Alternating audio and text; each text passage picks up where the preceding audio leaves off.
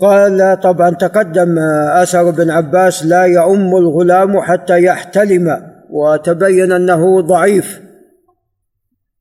والصواب أنه يؤم إذا كان حافظا. قال باب اقتداء المقيم بالمسافر وأنه لا بأس بذلك ولكن المقيم يتم.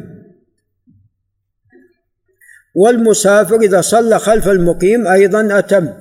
قال عن عمران بن حسين رضي الله عنهما قال ما سافر رسول الله صلى الله عليه وسلم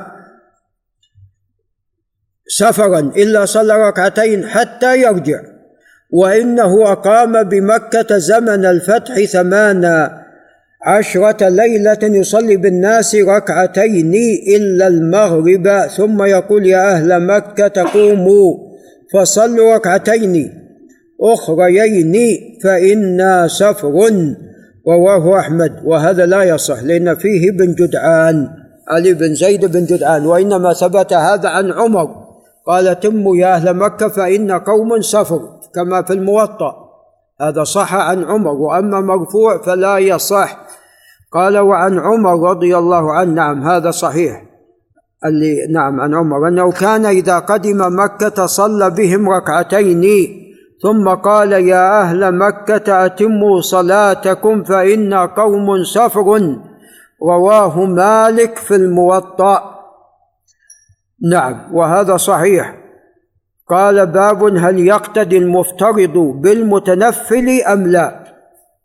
والصواب أنه يقتدي كما أن المتنفل يقتدي بالمفترض.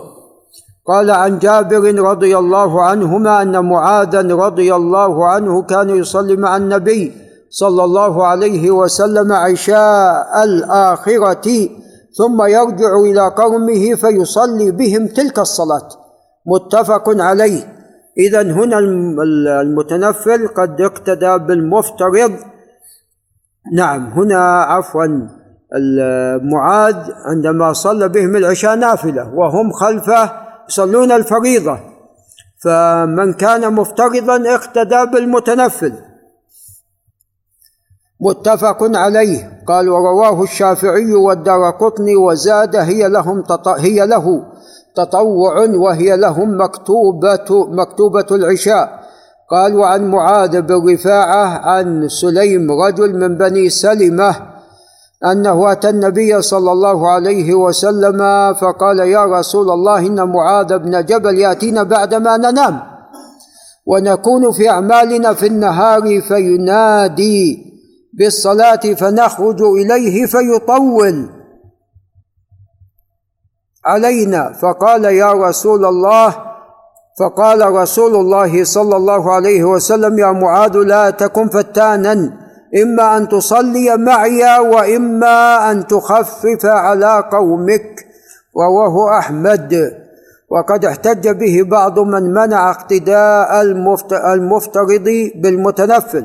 قال لأنه يدل على أنه متى صلى معه امتنعت إمامته وبالإجماع لا تمتنع بصلاة النفل معه فعلم أنه أراد بهذا القول صلاة الفرد وأن الذي كان يصلي معه كان ينويه نفلا. وثبت في بعض صلاة الخوف أنه صلى بطائفة ركعتين وصلى بالطائفة الأخرى ركعتين.